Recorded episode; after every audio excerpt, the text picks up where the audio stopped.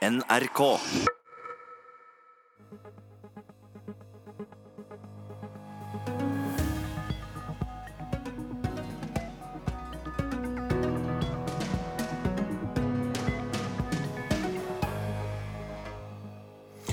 Vi er klare for verdens største idrettsarrangement i verdens største land, fotball-VM i Russland 2018. Hvem vinner? Hvem skuffer? Hvem er outsiderne? Skandalene, brassespillet, de røde kortene? Og er dommeren virkelig ei ku? Hva må et VM ha for å bli et som vi husker? For noen VM-øyeblikk de er større, viktigere eller mer kuriøse enn andre. NRK Sportens Arild Andersen skal ta oss med tilbake til noen av dem i løpet av denne sendingen. Og du skal få historien om den eneste sovjeter som har avgjort en VM-finale. Selvsagt blir det også kultur, historie, mat, drikke og masse russisk musikk. Nyfolk fra St. Petersburg er de første tonene som treffer ditt øre. Velkommen til ni timer med Russland spesial her i NRK. Jeg heter Espen Aas. Og jeg, Ellen Wesje Guttormsen, den aller første timen av denne temasendingen fyller vi med fotball og følelser.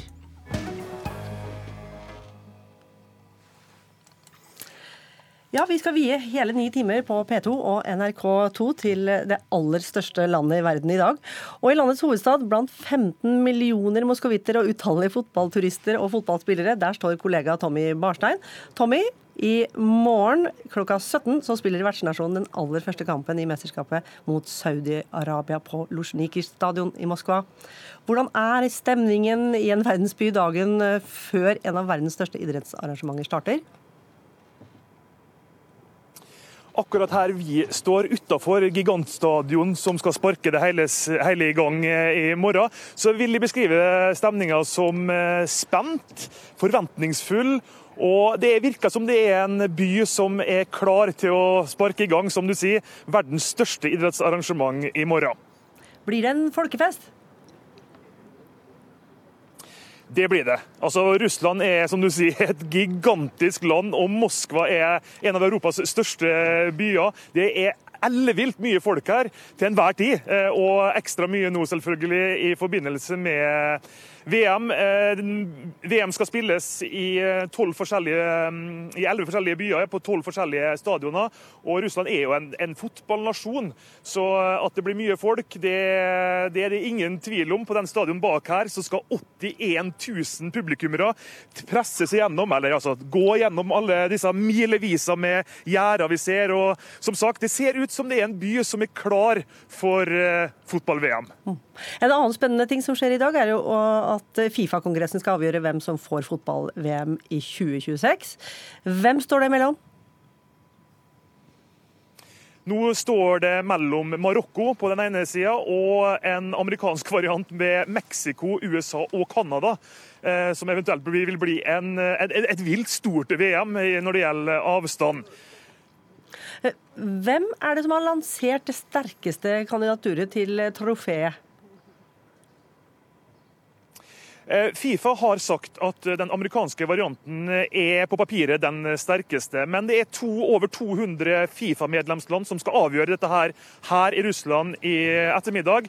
Så det er ikke gitt om det blir Marokko eller Mexico, USA og Canada som får VM i 2026. Det får vi vite i, som sagt i ettermiddag. Mm, om noen av dem får trofé, det vet vi jo ikke ennå.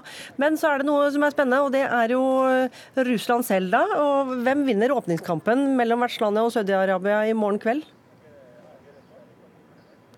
Det blir jo utrolig spennende å se. Russland har jo selvfølgelig det største presset på sine skuldre. Det er jo som sagt igjen en, en fotballnasjon som har levd i noen uår når det gjelder stolte landslagsøyeblikk. Så Russland har som, altså det, det største presset. Og Saudi-Arabia, hvis de ikke slår Saudi-Arabia i morgen, da tror jeg det blir et rimelig traurig sportslig VM for vertsnasjonen. Ja, den som venter, får se. Takk for at du ble med oss, Tommy Barstein.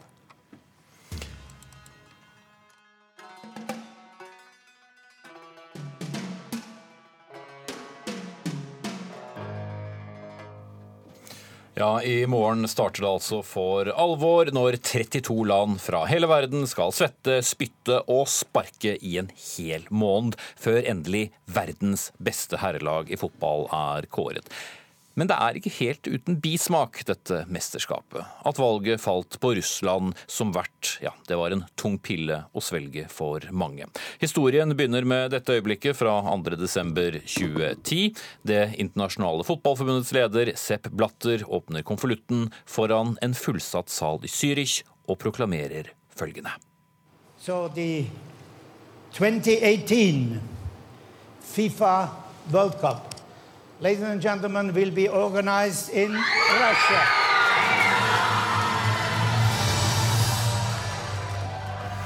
Ja, Som dere kunne høre her, så var det blandede reaksjoner i salen. Vi hørte jubel, men vi hørte også buing. Og Frode Lia, redaktør av fotballtidsskriftet Jossimar.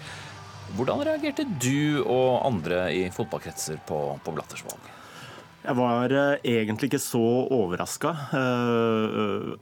Uh, uh, altså, uh, tilbake i 2010 så må man også få med seg at uh, man valgte to uh, mesterskap samtidig, altså i 2018 og 2022.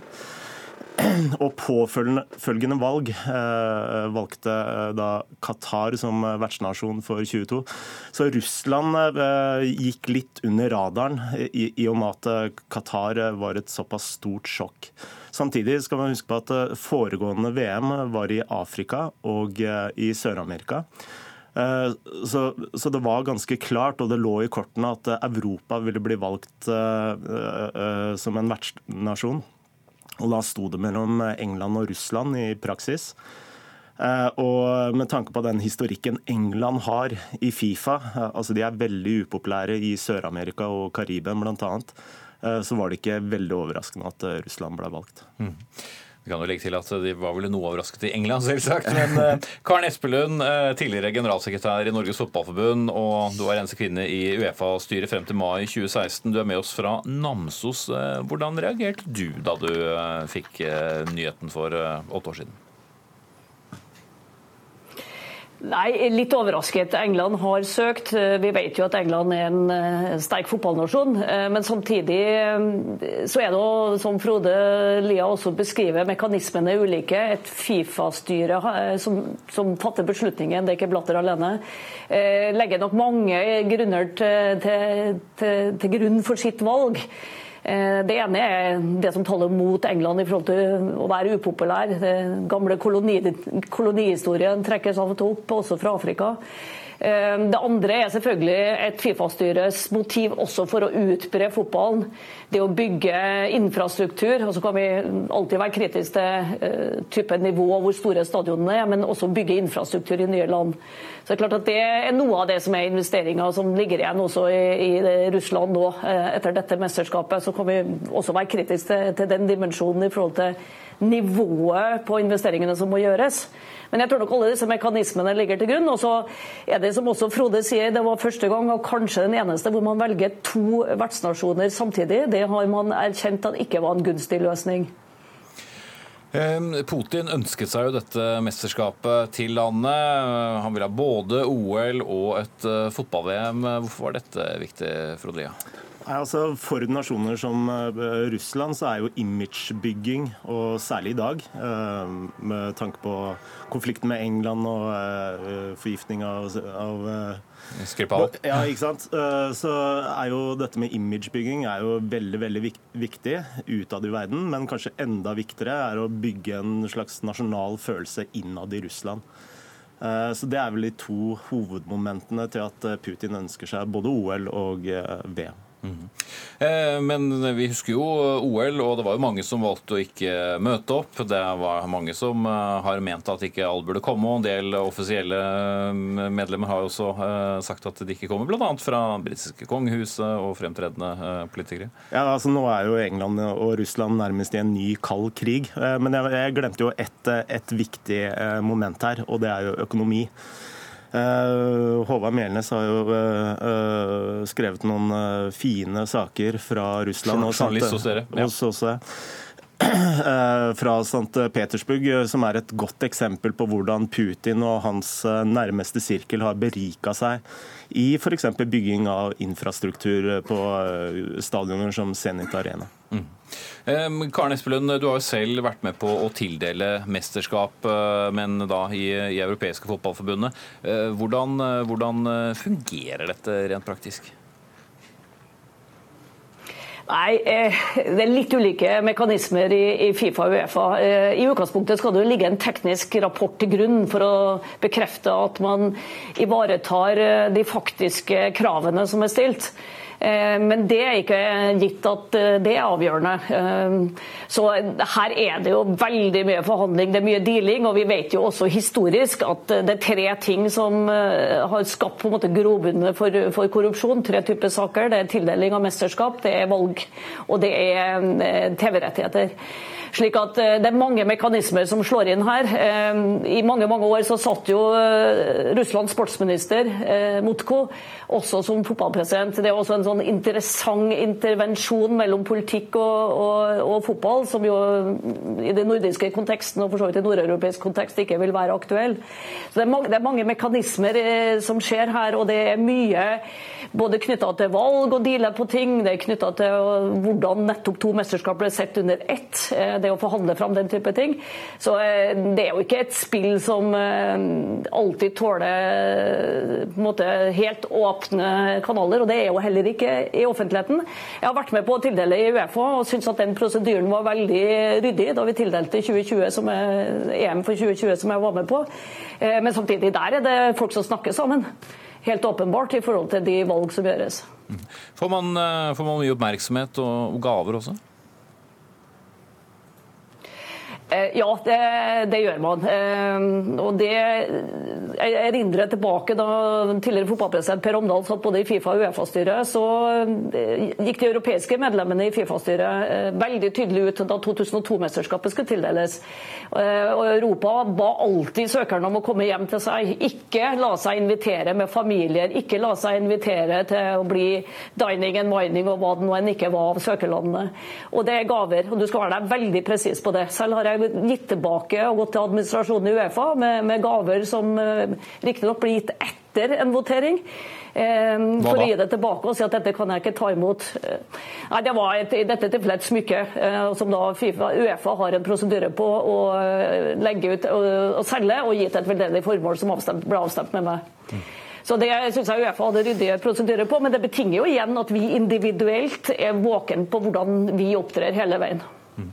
Eh, Frode Lia, det har jo vært veldig mange påstander og spekulasjoner i etterkant av, av tildelinger, da, og ikke minst eh, når det gjaldt eh, både ja, særlig Russland og, og, Qatar, om trusler og bestikkelser. Hva, hva slags viktige historier og rykter preget denne tildelingen. Vi skulle blant annet Sunday Times hadde jo en kjempelang reportasjeserie, og dere har jo også skrevet mye om dette.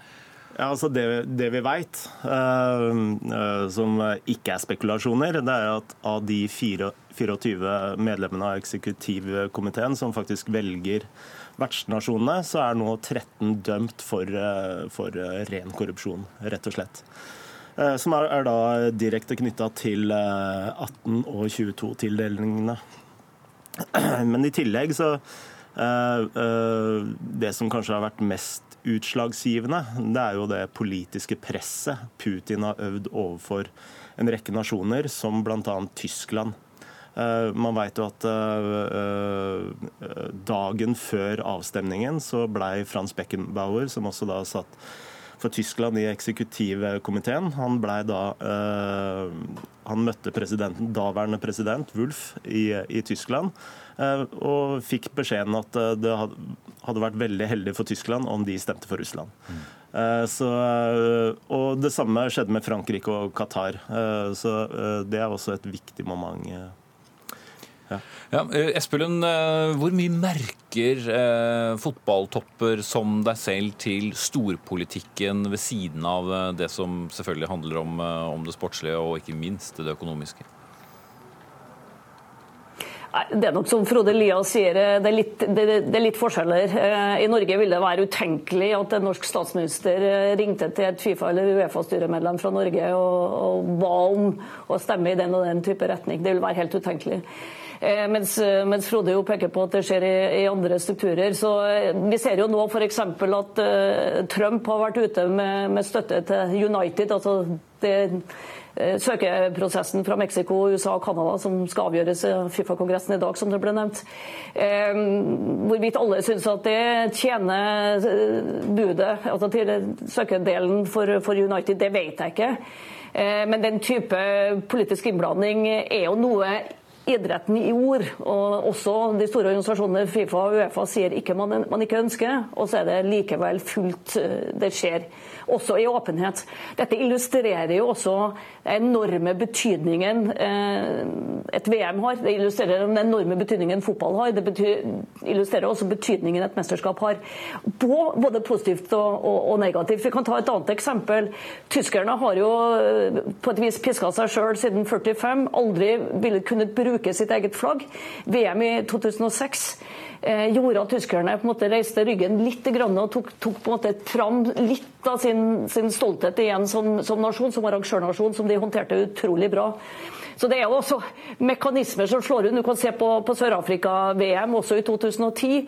Hva det gjorde med Afrika også, å bevise at de evna å organisere et mesterskap for første gang i Afrika.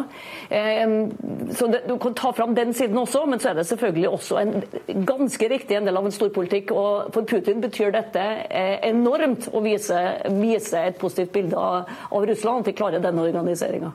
Det er jo ikke til å komme fra at uh, mens man kanskje bare skulle snakket om eh, hvordan går det med det og det eh, landslaget i de neste ukene, så sitter vi og snakker om, eh, om, om korrupsjon og utpressing og forsøk på, på å kjøpe folk. Nå skal vi snakke om fotball senere, da.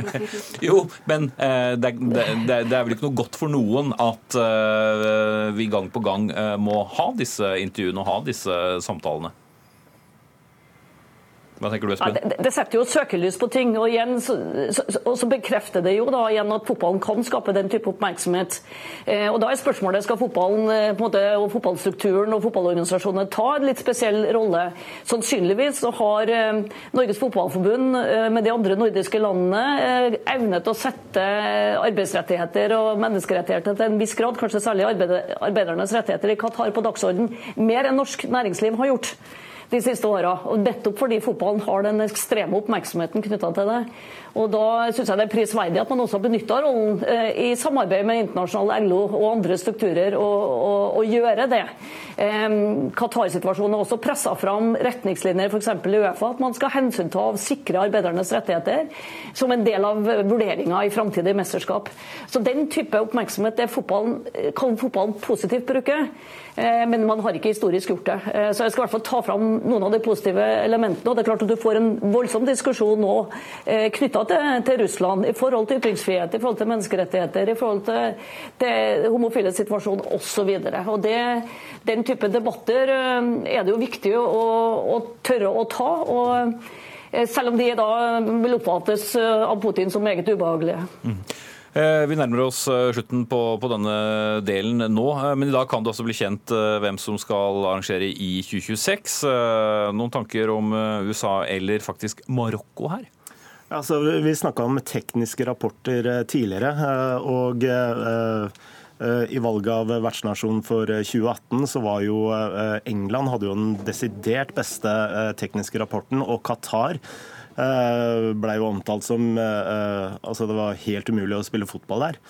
Eh, så eh, nå har eh, amerikanerne den beste tekniske rapporten, og nå blir det valgt på en litt annen måte. Nå er det ikke 24 eksekutivmedlemmer som velger vertsnasjonen. Så jeg er utrolig spent på hvordan det vil slå ut. Så 50-50. Mm. Kort til slutt, Esplund. hvem har du tro på?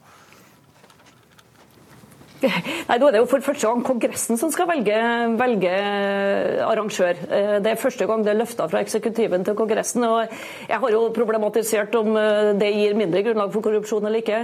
Eh, jeg ser jo at Afrika ikke, Afrika ikke står 100% bak Marokko. Noen afrikanske land har brutt ut. Og Sør-Amerika har enstemmig gått for United, altså Canada, USA og Mexico. Så jeg tror nok at det er fort gjort at de nordamerikanske eh, arrangøren trekker det lengste strået. Mm. Takk til Karen Espelund, tidligere generalsekretær i Norges Fotballforbund, og Frode Lia, redaktør av fotballtidsskriftet Josimar. Russland ønsker selvsagt å vise både VM og vertsnasjonen frem fra sine beste sider de neste ukene. Men enhver forside har også en bakside. For å få de forskjellige arenaene klare til avspark, så var det stort behov for arbeidskraft, og ifølge fotballtidsskriftet Josimar så blir ikke alle disse ansatt under normale arbeidskontrakter. Tvert imot. Journalist Håvard Melnes, du er med oss på telefon fra Fifa-kongressen i Moskva. Det var du som skrev artikkelen 'Slavene i St. Petersburg' i fjor, som handla om 110 nordkoreanske arbeidere. Hva slags forhold jobba de under?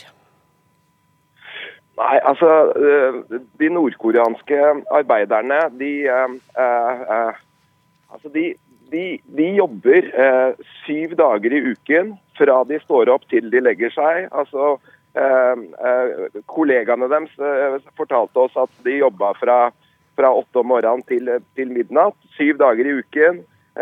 konseptet fridag det kjenner de rett og slett ikke til.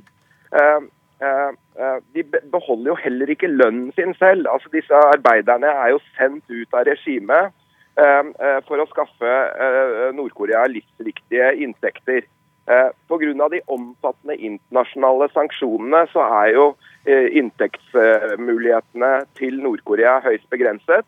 Sånn at det har vært en, en, en, en villet politikk å eksportere så, så mange arbeidere som overhodet mulig. Nå er det jo svært få land i verden som tar imot uh, disse arbeiderne. Uh, men det er uh, noen stater i Gulfen, Kina og Russland benytter seg av nordkoreanske arbeidere. Hvordan jobba dere i Josimar for å få fram disse historiene? Nei, altså det, det, begynte egentlig med at vi så på, på, på Twitter Eh, at, var, eh, at en nordkoreansk arbeider var funnet død utenfor eh, Zenit Arena i St. Petersburg.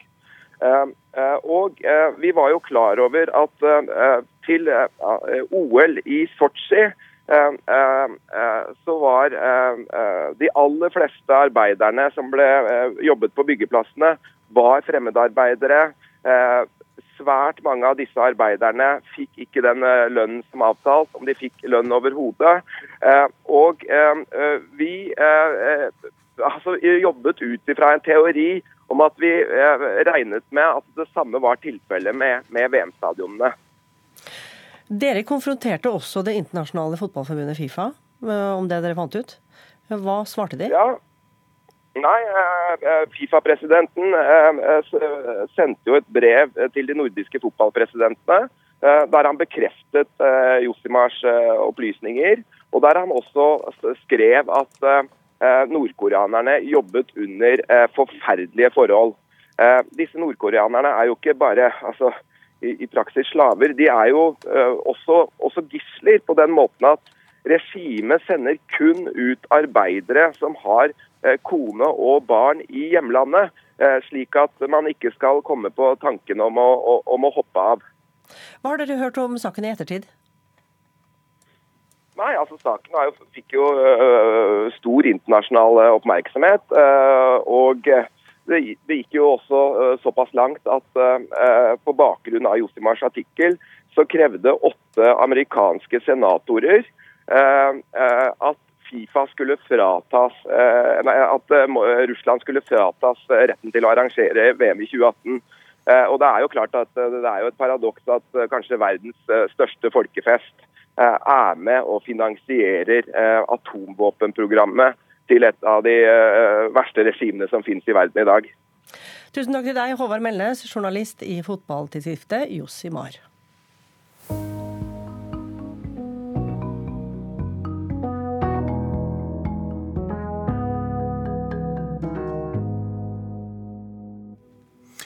Enten det er den eh, helt spesielle redningen, det helt spesielle målet, eller alle insektene på banen, eller skadene, så er det ikke tvil. Noen VM-øyeblikk er større, viktigere, eller altså mer kuriøse enn andre. Vår mann og kollega Arild Andersen i NRK Sporten skal gjennom våre timer nå ta oss med tilbake til noen av disse store øyeblikkene. Og vi skal starte selvsagt med vertsnasjonen Russland, som absolutt ikke har noe favorittstempel i dette VM, som vi har vært innom. Russland er rangert som nummer 64 i verden, og heller ikke tradisjonen taler til deres fordel. Følg med. Med tanke på landets størrelse og ikke minst dominans i andre idretter gjennom siste halvdel av det 20. århundre, er Russland og Sovjetunionens bidrag til VM-historien overraskende få. Riktignok har russeren Oleg Salenko en rekord som er vanskelig å slå. I 1994 skåret han fem mål i én og samme kamp. Men det sovjetiske navnet som lyser sterkest i VM-historien, er ikke engang en spiller. Det er han som kalles, litt upresist, The Russian Linesman, den russiske linjemann. I virkeligheten var han fra Aserbajdsjan, het Tofik Baramov og var assistentdommer i finalen mellom England og Vest-Tyskland på Wembley i 1966. Stillingen var 2-2 etter ordinær tid, og tolv minutter ut i første ekstraomgang sendte Englands elegante midtbanespiller Alan Ball en crossball mot spissen Geoff Hurst. Skuddet overlistet tyskernes målvakt, smalt i tverrliggeren, spratt ned og ut. Men var ballen over streken? Den sveitsiske dommeren så på sin sovjetiske assistent. De hadde intet felles språk. Baramov gestikulerte mot midtstreken, altså nytt avspark, slik det skal være etter en godkjent scoring. Mot slutten av kampen kontret de også inn 4-2 og tok sitt eneste VM-gull. Men om ballen spratt ned foran eller bak streken, sluttet man ikke å snakke om. Konklusjonene spriker like mye 50 år etter. En ikke bekreftet historie skal ha det til at Baramov en gang da han ble spurt om hvorfor han godkjente målet, kun skal ha svart med ett ord Stalingrad. Baramov var i slutten av tenårene under andre verdenskrig. Uansett står Tofik Baramov igjen som eneste sovjeter som har avgjort en VM-finale. I 1993, etter hans død og etter Sovjetunionens oppløsning, skiftet nasjonalarenaen i Baku navn fra Lenin stadion til Tofik Baramov stadion. Ja, og Det blir eh, flere slike øyeblikk altså fra Arild Andersen gjennom eh, denne sendingen, som altså varer helt frem til klokken 18 i kveld. Og tross i skandalene og det faktum at mange mener at Russland kanskje ikke burde ha blitt tildelt dette VM-et, vi gleder oss i hvert fall stort til fotballfesten. Ikke sant? Frode Gryten, du er med oss fra Bergen. Ja. Du er en entusiastisk eh, mann på vegne av fotballen. Hva er det med denne idretten som du elsker? Ja, det går jo litt opp og ned med, som med alle kjærlighetsforhold, da. Men eh, nå går det jo opp siden det VM. Nei, det er kanskje det der at det er et eh, kollektiv. At det er elleve mann som, eller kvinner som eh, skal gjøre noe sammen. Og, og det der at de holder på med beina, som sikkert ikke er meningen at eh, mennesket skal holde på med. En er mye bedre med hendene. Sant? Og når en holder på med beina, så er det litt uforutsigbart hvor, hvor dette ender hen. Sånn at kamper, fotballkamper er ikke helt eh, lett å spå hva en skal skje med. Alle kamper har sin dynamikk, alle mesterskap har sin dynamikk. Eh, så da blir en veldig fascinert og glad i det spillet som ja, individuelle idretter så kan man liksom si at ja, da det, kommer den og den til å vinne, eller de de kommer til å kjempe om ja, å komme først i mål, eller hoppe lengst eller hoppe høyest. Men mm. i fotball så kan et kollektiv rett og slett slå et lag som er mye bedre hvis de eh, ja, gjør noe sammen. Så selv om eh, pengene prøver å styre fotballen også, så klarer du ikke det helt. Hva må et VM ha for at det skal bli et eh, som vi husker? Nei, de må ha noen sånne legendariske kamper. Kanskje en del helter, noen skurker, noen som går på trynet. Og kanskje helst en stor overraskelse, et lag som gjør det mye bedre enn en hadde forventet. Hege Riise, LSK-trener og tidligere VM-vinner i fotball. Hva slags forventninger har du til dette fotball-VM-et? Ja, man gleder seg alltid til mesterskap. Og man går inn med en forventning om at eh, kanskje dukker det opp en Askeladd som eh, klarer seg litt bedre enn man har forventa. Men sånn til syvende og sist så er det vel ofte de eh, beste laga, de som eh, alle tror skal vinne, som eh, stikker av. Så Du har jo deltatt i mange VM og OL, og du har vunnet eh, VM i Sverige i 1995. Og det å være med i en sånn intens turnering, det står veldig mye på spill, og så klarer du å stå der med trofeet til slutt. Beskriv den mesterskapsfølelsen. Ja, når vi gikk inn i 95-VM i Sverige, det var rett over grensa. Vi hadde en fantastisk eh, pre-season, pre-camp. Og jeg får sånn gåsehud Ja, vi, spil, gang vi, spilte mot, eh, vi spilte mot det gutte juniorlag, og vi feide dem av banen. Vi visste at vi var i fantastisk god form. Og reiser dit med godt humør, en liten busstur over. Vi fant, var, vi skulle bodde på, bodde på et fint hotell. Gode treninger. liksom Veldig sånn intensitet i treninger. Husker Pellerud måtte avbryte noen fordi at eh, da må vi, så vi ikke blir skada. Så det var liksom en veldig sånn go i gruppa. Og starta med kanonkamp, og det bare balla på seg. Så vi Bokstavelig talt, si. Ja. Så vi, vi hadde et fantastisk mesterskap, og det, det Var det glede, eller, eller hvordan var det når men det, når, jo lengre det går, så, blir man, eh, så skapes det en forventning. Og når vi sto der eh, og dommeren blås og vi hadde vunnet, så var det sånn Du blei letta, du blei utmatta, og så kommer gleden over å endelig lykkes med målet. Hvem skal du følge da i dette VM-et her? Jeg holder alltid litt mer med Argentina. Det var fra liten av med de draktene deres og liksom det Litt langt hår og Så det er sånne små ting som gjør at man plutselig hooker opp med et eh, lag, da. Frode Lia, redaktør i fotballmagasinet Josimar. Vi måtte dra deg tilbake inn og snakke om fotball her. Hvilke nasjoner tenker du kommer til å prege dette VM-et? Nei, altså, eh, Jeg har jo oppkalt eh, bladet vårt eh, etter en brasiliansk eh, bekk, så Det har du. eh, der har du svaret. Hva er det med brassefotballen som, som er så Ja, altså, eh, Min fotballinteresse starta kanskje litt annerledes enn veldig mange andre i min generasjon som begynte å følge engelsk fotball. For meg så var det VM i 1986 og Brasil, og det som fanga altså, Min kjærlighet til Brasil det var jo at de spilte en helt annen type fotball enn det jeg noensinne hadde sett før. Uh, kan sammenlignes med hva, hva Barcelona gjorde uh, for fem-seks uh, år, år tilbake. Veldig sånn pasningsorientert eh, fotball som eh, eh, jeg ikke hadde sett tidligere. For da, da så vi jo norsk fotball som stort sett var eh, lange baller. og så så vi engelsk fotball som stort sett var lange baller. Så dette bare kom over meg og blei en stor kjærlighet. Hvem- blir, har vi noen outsidere i år? Ja, mange outsidere i år. Altså, kort, kortversjonen outsidere. Belgia, Uruguay, Portugal, i den grad en EM-vinner kan være en eh, outsider. Eh, og så har jeg Colombia som en eh, liten outsider. Senegal som en liten outsider. Og det er vel de fem, fem lagene jeg har som outsider. Hege, har du noen outsidere? Uh, nei, men jeg, jeg leser litt om Peru. liksom Historikken der. Det hadde vært fantastisk gøy om vi kunne fått opp en sånn kultur igjen som dem. Nå har de vært lenge uten et mesterskap, og nå er de med et mesterskap. Og så kanskje ikke de største stjernene, men litt som man snakka om, da, det laget som kan uh, gjøre det. Frode Grytten, uh, Italia er ikke med i år for første gang på 60 år. Har det noe å si? Ja, det er jo, en ønsker jo alltid at Italia skal være der. Eh, Det er et eller annet med å få lov å være god og spille defensiv fotballag som de er kjempegode til. Men eh, denne gangen var ikke de gode, god nok til det heller, så, så da er de ikke der. Nei, det hjelper ikke å ha pene drakter heller. Nei. Eh, Jørgen Jalland, eh, du er en av få nordmenn som har spilt i russisk eh, toppserie. Helt presis Robin Kazan i sesongen 2005-2006. Eh, Det har vært mye snakk om korrupsjon i forkant av dette VM-et. Hvor utbredt er korrupsjon og kampfiksing i russisk fotball? Eh, Nå er det jo et par år siden jeg var der, men eh, for meg så var det ganske tydelig at det var en del av fotballen der på, den, eh, på det tidspunktet. Eh, Hvordan merka du det? Det, var, det var flere episoder. Eh, Det var jo ofte dommerne som, som var involvert. Jeg husker bl.a. en kamp vi spilte i Moskva mot Torpedo Moskva. Som gjorde godt det året. Vi vant den bortekampen 5-1.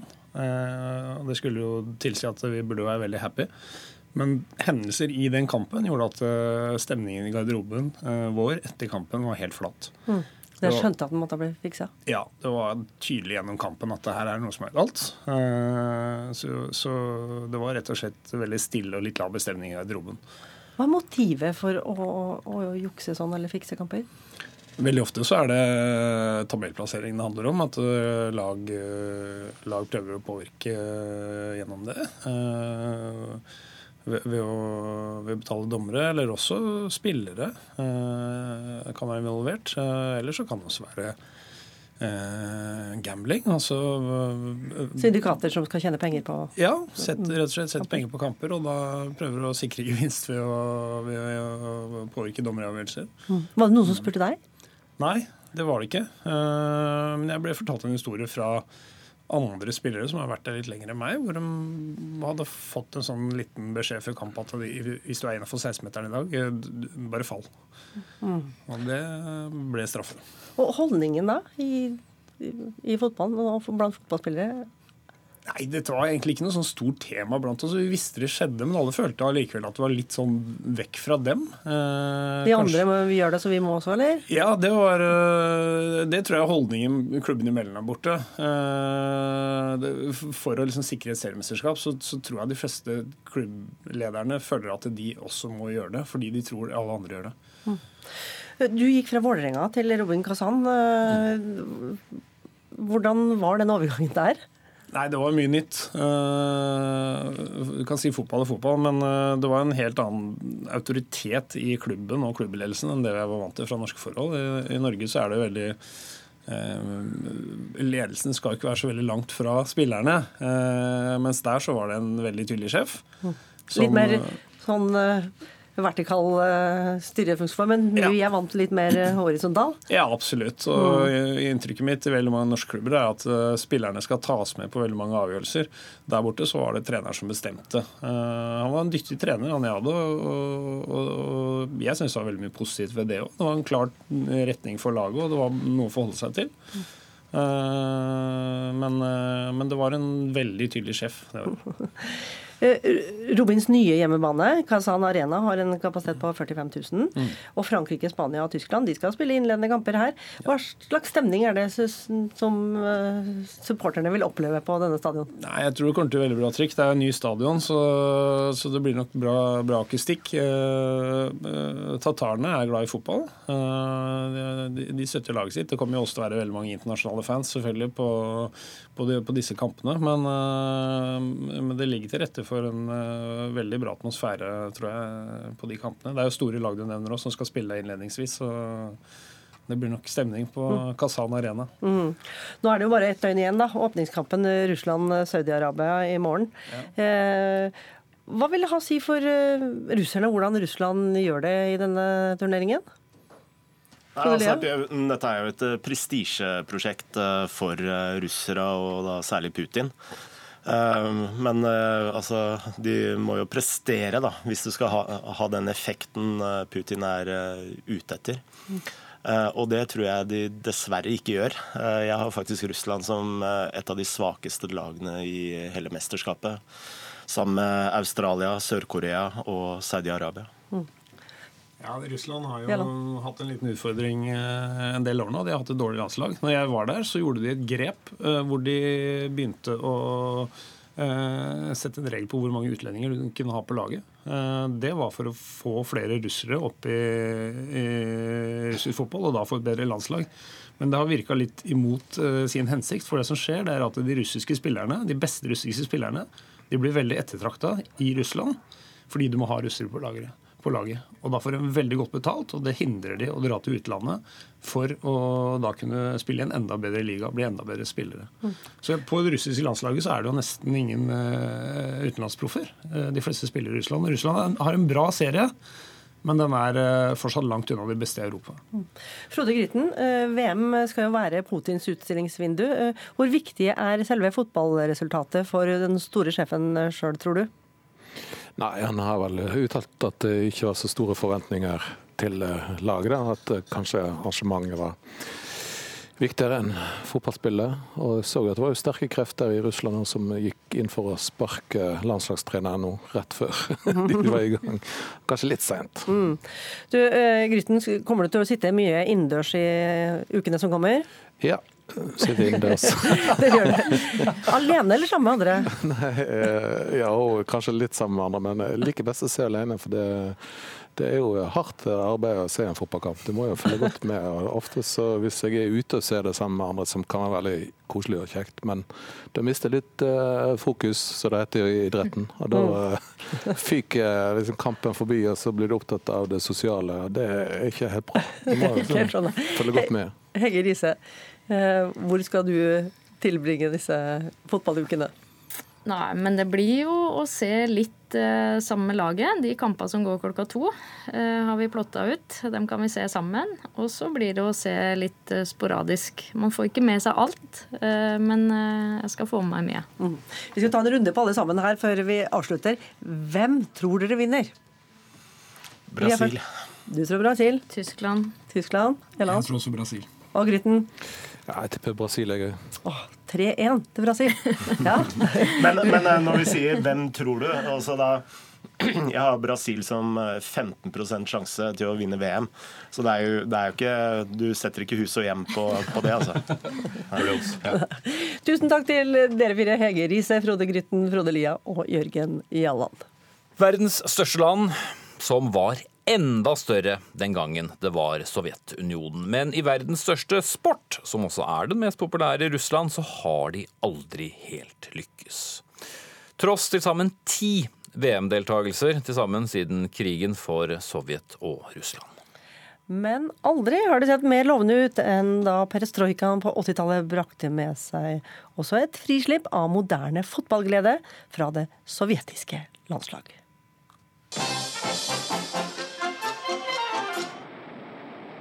Det ville bli det mektigste imperium i hele verden. Også innen sport. Men uansett hvilke fremganger regimet fikk i en rekke idretter, skjedde det aldri der det teller som mest.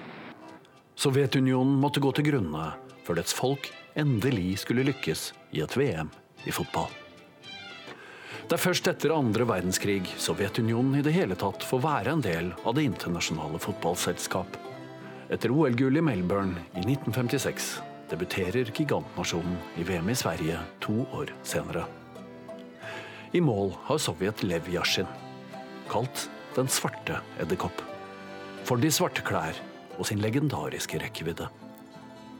Yashin regnes av mange den dag i dag som tidenes beste målmann.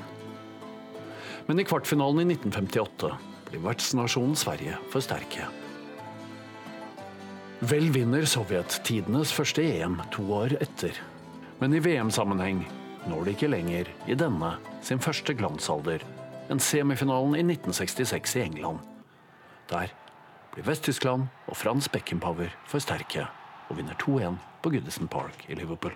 Leonid Ilich Brezjnev på høyden av sin makt. Leonid Brezjnev har tatt over fra Nikita Khrusjtsjov som Sovjetunionens leder på dette tidspunkt.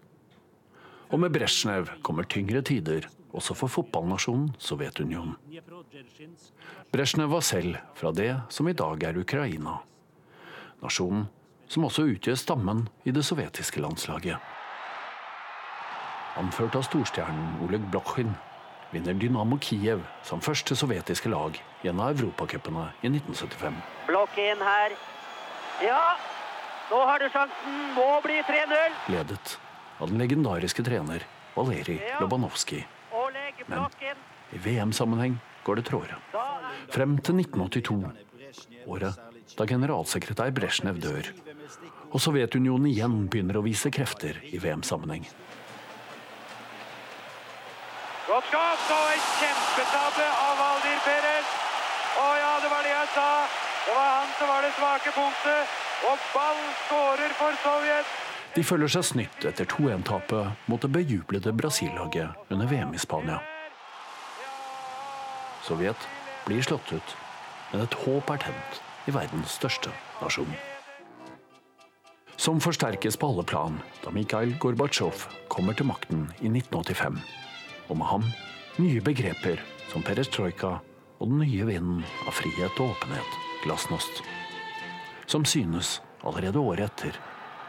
Da Sovjet kommer til VM i Mexico i 1986 og fullstendig overrumpler en hel fotballverden. En helt ny offensiv kraft og løpsstyrke. De sovjetrussiske spillerne løper fra og forbi Ungarn og vinner 6-0 i åpningskampen. Det snakkes snart om at Sovjet for første gang kan vinne hele VM. Veien fortsetter rett til sluttspillet. Og det som skal være overkommelig motstand i Belgia. Men i den forbløffende angrepsorgi ligger også en høyst overraskende grad av naivisme. Fremover for enhver pris. Glasnost på gress. Frigjøringen fra sovjetregimets strenge disiplin. Belgierne får komme tilbake. To ganger. På høyst kontroversielt vis, må sies. Målet til Jan Koilemans skulle vært annullert for klar offside, mener sovjeterne. Men ekstraomganger blir det i åttendedelsfinalen. Hvor Belgia igjen skal straffe Sovjets angrepselver med sine kontraststøt. Belgia vinner 4-3. Og det som kunne vært oppfyllelsen av den sovjetrussiske fotballdrøm, er slutt. En gyllen generasjon spillere, ledet av legenden Valerij Lobanovskij, får aldri sin fortjente heder. Enda nærmere en triumf er Sovjet to år senere. Men etter tapet for Nederland i EM-finalen i 1988 er det som om man merker tretthetens inntog. Sovjet er ved sin endestasjon, som imperium og som fotballnasjon. Felt av sin tro på et fellesskap som skulle overvinne alt, for alt forvitrer. Først i 1994, ironisk nok i USA, skal det lykkes Sovjets delvise arvtaker, Russland, å få sitt ene, unike avtrykk i VM-historien. Da de vinner 6-1 over Kamerun, og spissen Oleg Salenko som den første og eneste lager fem mål i én og samme VM-kamp. Men Salenko og hans russiske lagkamerater har på dette tidspunktet allerede tapt sine to første kamper i mesterskapet og går uansett ikke videre. Den virkelige storhet kommer ikke i tide, symbolsk nok. Slik den heller aldri gjorde for Sovjetunionen. Ja, Det var den historien, og det var eh, selvsagt reporter Jan Petter Saltvedt dere hørte, dere som følger sendingen på radio. En sending som altså går både på radio, fjernsyn og på nett. Den neste timen blir en eh, russisk historietime, intet mindre. Her er det mye å ta av, Espen. Ja, og vi må jo dessverre, eller eventuelt heldigvis, da, eh, velge litt. Og vi skal hovedsakelig holde oss til tre perioder. Den lange, lange tsar- og keiser- og keiserinnetiden, som etter hvert ble avløst, som vi vet, av revolusjon og den påfølgende sovjettiden, og perioden etter det. Men vi skal også snakke litt om tilblivelsen av Russland, så vi skal grave langt tilbake i tiden, Ellen. Det skal vi. Og vi skal også snakke om litt mer nyere tid. Åsne Seierstad kommer øh, på besøk i studio. Hun var 20 år og student øh, første gang da hun reiste til Leningrad. For så å komme tilbake som journalist øh, da byen hadde fått tilbake sitt gamle navn St. Petersburg. Og dersom du har lyst til å høre en vakker og kanskje pompøs versjon av den russiske hymnen til den russiske føderasjonen, så bli med oss inn i den neste timen da, av denne lange temasendingen om Russland. Men først nå så blir det nyheter i P2 og NRK2.